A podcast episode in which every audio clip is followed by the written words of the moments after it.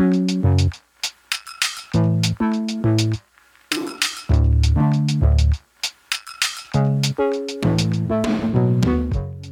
jag heter Dan Magnusson och jag har prostatacancer. Jag tänkte att jag skulle göra ett avsnitt om kost och träning. Eh, och jag börjar väl egentligen med att spoila allt med att säga att sorry, det går inte att bota cancer med rätt kost och träning. Eh, överhuvudtaget så finns det väldigt svaga forskningsresultat, eh, så gott som inga alls, som tyder på att det skulle liksom förändra någonting. Men eh, det finns ju andra positiva effekter och det står ändå om det här, både kost och träning står om i den vårdperm som jag har fått. Och då funderar man ju lite grann över det här. Är det psykologi liksom? Det är klart att om du får ett cancerbesked och sen samtidigt säger någon åt den att och du kan inte göra ett skit åt det. Det är klart, det kan ju vara deprimerande och då är det bättre liksom att säga ja, men ett allmän tillstånd då kanske skulle kunna göra saker bättre. Eh, vilket det egentligen inte finns några, eh, jag har inte hittat någon forskningsresultat på det i alla fall i samband med cancer. Men skitsamma. Vi tar det ändå i alla fall, det som jag har läst då, för att det står ju liksom, det finns ju ingenting egentligen som säger, alltså det, det det handlar om när det gäller kosten, det är ju att det finns ju det man kallar för bra cancermat. Och det är väl egentligen bra mat för alla, för oftast är det ju den här medelhavskosten eller möjligen då liksom Japan, Asien sådär. Att mer fisk, skaldjur, grönsaker och sen då att man ska snarare undvika mejeriprodukter och eh, rött kött och överhuvudtaget processade livsmedel, processat kött. Eh, och eh, pratar man Medelhavet då, så handlar det mycket om vegetabiliska oljor och mindre smör och grädde. Då, i, i, sådär. Och det, det, här är ju ganska generellt egentligen. Jag tror också, vad stod det mer för någonting som jag inte hade sett? Det stod någonting om råg och linfrön och grejer också. Eh, men jag menar, fibrer är ju alltid bra också. Sen har jag ju sett att det har stått om tomater. Och det är både råa men framförallt eh, tillagade tomater. Hur man nu har kommit på det liksom. Om man tagit ett gäng italienare som man säger ni ska äta tomatsås, ni andra ska inte äta tomatsås. Finns ju ingen italienare som inte käkar tomatsås. och en annan kul grej som jag såg, det var ju granatäpple. Och då tänker jag liksom, ja, men, ja för det gillar jag till sallader och liknande. Fast det kanske inte är någonting som man liksom kan variera sig tokig på. Men en av våra favoritdrinkar i alla fall hemma, det är väl kanske mest min frus, det är Cosmopolitan. Eh, eh, ni vet den där rosa drinken som brudarna i Sex and the City drack. Och det är då citronvodka, triple sec ska det vara, jag använder Cointreau och sen tranbärsjuice. Och det här, jag menar tranbärsjuice och granatäppeljuice, det kanske inte ligger så långt ifrån varandra. Jag har inte testat det här, men det tänker jag göra i alla fall. Eh, det är väl alltid något då.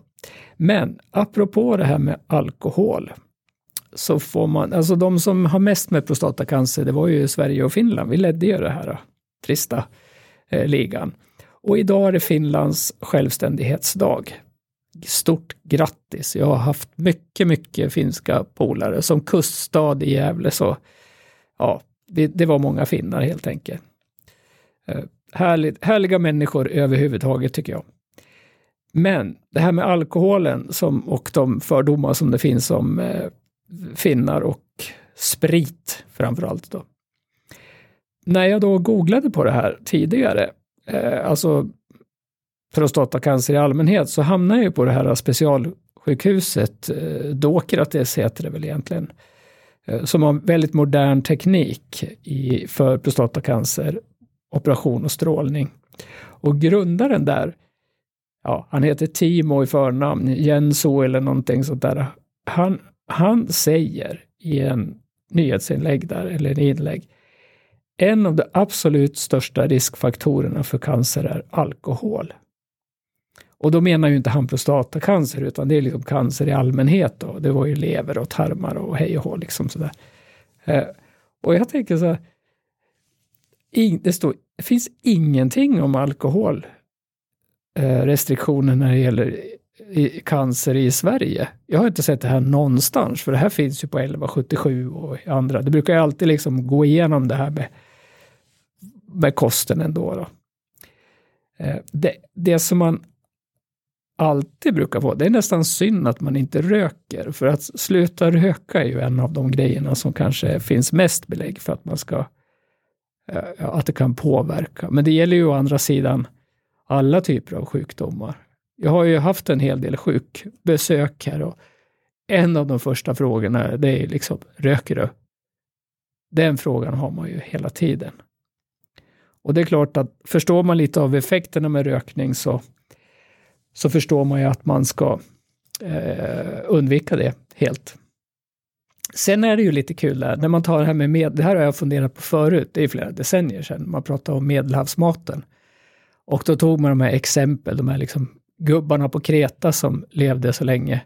Vad fan gjorde de då? De rökte utan filter och drack Oso på dagarna. Jag, jag har inte sett no några människor i den åldern, det vill säga min egen gubbe, att gjort något annat än det. Uh, nu, nu ska man ju inte tro att rökningen är något positivt, men man kan ju fundera i övrigt varför de här människorna lever längre eller mår bra eller, eller vad det nu är. Åtminstone får de inte hjärtinfarkt. Ja, ja, men eh, eh vi vill väl all, alla äta nyttigt och gott, eh, så gör det. Sen har vi det där med träningen då. då. Det är också svaga forskningsresultat. Men det finns ju ändå liksom svagt till måttligt. Eh, enligt någon, jag undrar om det var Socialstyrelsens pdf där, alltså man har gjort liksom forskning. Och då menar man väl kanske på att klara en behandling. Det kan ju inte påverka liksom ja, det kan ju inte påverka liksom cancertumörer eller någonting. Men, utan det handlar nog mer om liksom det här med att man ska orka med och klara av. Och flera läkare och sjuksköterska, det, det här säger ju läkare ändå, att liksom sätta igång och träna. Positiva effekter med det och se och så. Eh, exempelvis, rent konkret så har man ju sagt att ja, men man har sett att man klarar strålning bättre om man håller igång och se och så. Och jag har ju inte hittat någonstans om det står något belägg för det. Men det är, vad man, det är budskapet i alla fall. Det jag däremot vet, det är ju det att de hormoner som jag käkar nu med hormonsprutan, det gör ju att man tappar ju förmågan att bygga muskler när man inte har något testosteron. Och där var jag lite sur, för jag tyckte att fan om man hade vetat det här, då hade man kanske liksom byggt upp sig lite grann i alla fall. Men det har jag inte. Jag är ju liten och, och spinkig snarare. Men det handlar väl om att underhålla det man har nu då. Eh, för att av det här så brukar man ju tala om att, ursäkta, resultatet, eh, det kan ju bli liksom att ja, men man får kycklingben och tjock mage ungefär när man går på de här hormonerna. Och jag ska ju göra det i två års tid, så mm, vi får se. Så en rekommendation, så här, ja men kör liksom lite styrketräning och promenader. Och det är, har jag gjort också, eller det gör jag, och det är väl, ligger ganska långt tillbaka i tiden. Jag har ju varit en ganska flitig motionär. Men under pandemin, när den drog igång, då slutade vi att gå på Friskis och vi ersatte det med vanliga promenader istället. Eh, jag vet första året gick vi i princip varje dag. Min fru som gick ännu mer än mig, hon hade 192 dagar i rad med över 10 000 steg. Och det var någonstans där vi låg. Jag låg inte långt efter, men jag körde ju några ljumskoperationer samma år. Så. så ja, och sen så vart det ju mindre under, ja, för drygt ett år sedan. Och sen nu när jag har haft de här propparna i våras så vart det ju, ja, det har inte blivit lika mycket. Och framförallt inte någon intensiv. Men nu har jag gjort så här i alla fall sedan några månader tillbaka. Jag har gjort ett morgonprogram, eller min fru har hjälpt mig, för hon är ju gyminstruktör. Så tillsammans har vi gjort ett liksom morgonprogram som jag kör nu tre gånger i veckan. Det är en halvtimme på morgonen som jag kör. Det är uppvärmning och sen är det sex stycken styrkepass som jag kör två gånger och sen stretchar jag. Det tar en halvtimme. Det är ju liksom, det är ganska skönt att gå och duscha efter det. Sen på jobbet så försöker jag, det här är sådana tips som man alltid har fått. Ja, men gå ut och gå på lunchen. Det har jag aldrig gjort i hela mitt arbetsliv. Men nu gör jag det. Eh, så nu tar jag en lunchpromenad på kanske en och en halv, två kilometer. Jag vet inte ens vad det tar. Kan det ta en kvart? Max 20 minuter i alla fall. Och förutom att jag liksom får frisk luft och rör på mig så får jag också dagsljus. Och särskilt nu här i december, för nu märker man att nu är det inte många timmar eller som solen eller som, ja, som ljuset är framme. Eh, och förutom då de här som jag verkligen försöker att hålla morgonprogrammet och lunchpromenaderna, så på helgerna och vissa kvällar också, så försöker vi att gå över 10 000 steg. Det brukar bli liksom 10-15 000. Istället för att ta bilen till stan så går vi alltid ner på stan och fikar eller handlar eller ärenden eller vad man nu ska göra. Och sen så sägs det också, alltså man får ju vallningar av de här hormonbehandlingen. Alltså nu har jag vissa tider har jag liksom tre, fyra gånger i timmen. Det är riktigt mycket. Och då sägs det liksom att träning ska kunna motverka de här vallningarna. Äh, ja, tjena hej, säger jag. Jag tror inte det va. Det har inte funkat. På mig i alla fall. Ja, men sen då, min, alltså jag har ju en väldigt positiv syn på träningen då, på motion. Jag har ju en, en bakgrund inom Friskis och Svettis. Eh, och med det menar jag att jag kanske har varit motionärer i över 30 år och gått på pass då, eh, oftast då tillsammans med min fru. Sen har jag suttit i styrelsen några år, det är inte länge sedan, och jag har, det är inte jättelänge sedan heller som jag gick grundutbildning på Friskis för att då bli kårledare. Så jag har ju gått utbildningarna men inte certifierad tyvärr. För det, det fanns inte tid då och sen åkte jag på det här med att vi opererar ljumskar och sen har det liksom runnit ut i sanden kan man säga. Men Friskis och Svettis, har man det i närheten så finns det ju väldigt, väldigt många träningsmöjligheter och man, det är inte jättesvårt att hitta någonting som man gillar, tycker jag i alla fall. Eh, som överhuvudtaget gillar att vara bland folk, bara det. Men varför ska man då träna? Ja, men det här är ju det man har liksom pratat om jämt egentligen. Alltså man vill ha styrka för att man ska orka med helt enkelt. Eh, att vara utan muskler är inget vidare, särskilt inte när man blir sjuk då. då.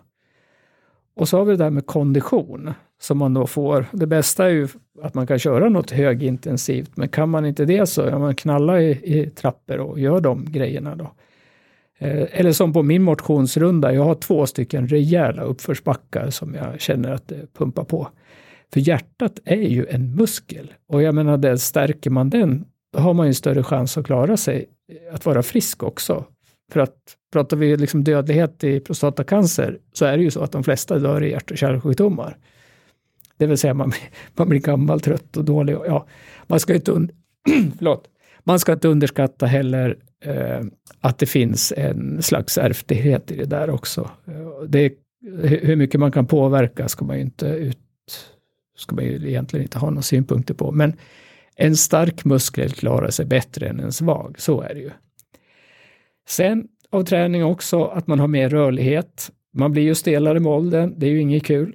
Eh, och sen har vi det med balans också då, som hållningen, att man får en fin hållning och man Framförallt kan man ju minska risken för att falla. För nu har det ju varit halt här utanför i alla fall.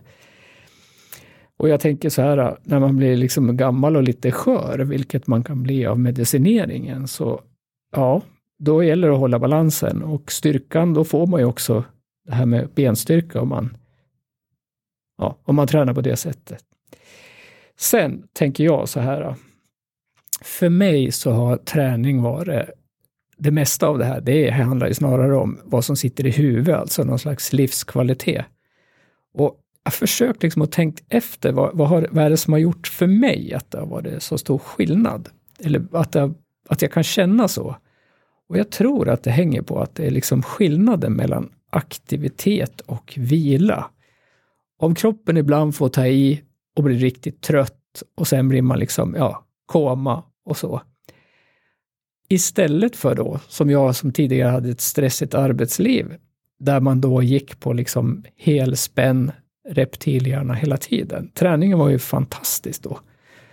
Och sen är det ju vissa sporter, liksom kondition, jag har ju varit sprungen en hel del, liksom endorfinerna, alltså och rörelseglädje överhuvudtaget som en god vana. Och, man blir ju också starkare och det gör ju att man får ju mera energi och sover bättre. Jag har ju alltid sovit bra. Och det här med energi, det kan man liksom tänka, jag är trött, jag måste vila. Men det är faktiskt så att om man gör av med energi så får man också energi. Det är inte så att man kan vila sig i form eller liksom må bra utav det.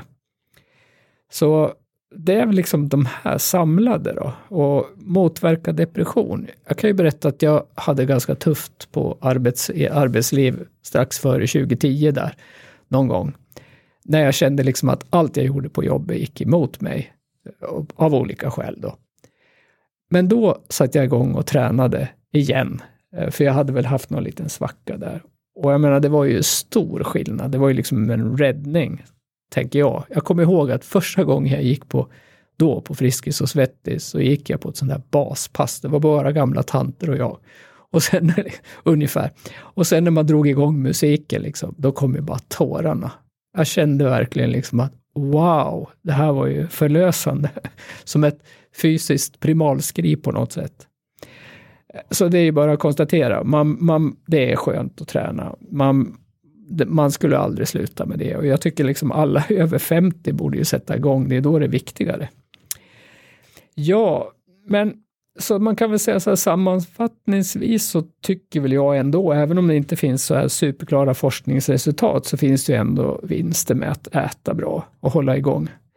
Och man kan ju vara, liksom, även om det, ja, det, det, det, finns ju liksom forskning som visar att det kan förlänga livet, då, men framförallt är det ju att åtminstone se till att man orkar uppleva det. För att vara liksom vältränad, det är ju toppen. Och, eh, och, och, även, och även att vara lite tränad är ju toppen jämfört med att inte vara någonting. Så det är ju jätteskönt om man kan göra någonting. Nog om det.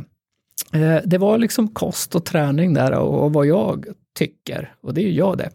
Sen i övrigt då, liksom, när det gäller min prostatacancer, ja, jag ska väl ha något samtal med eh, kirurgen nu den här veckan och sen får vi se. Jag har ju alltså inte en solklar strålningsstrategi framför mig, utan jag försöker väl att dra eller påverka eller önska att det ska gå i någon slags eh, riktning där jag kan få den allra bästa vården. Men vi får se hur det blir med det. Så vi hörs. Tjena!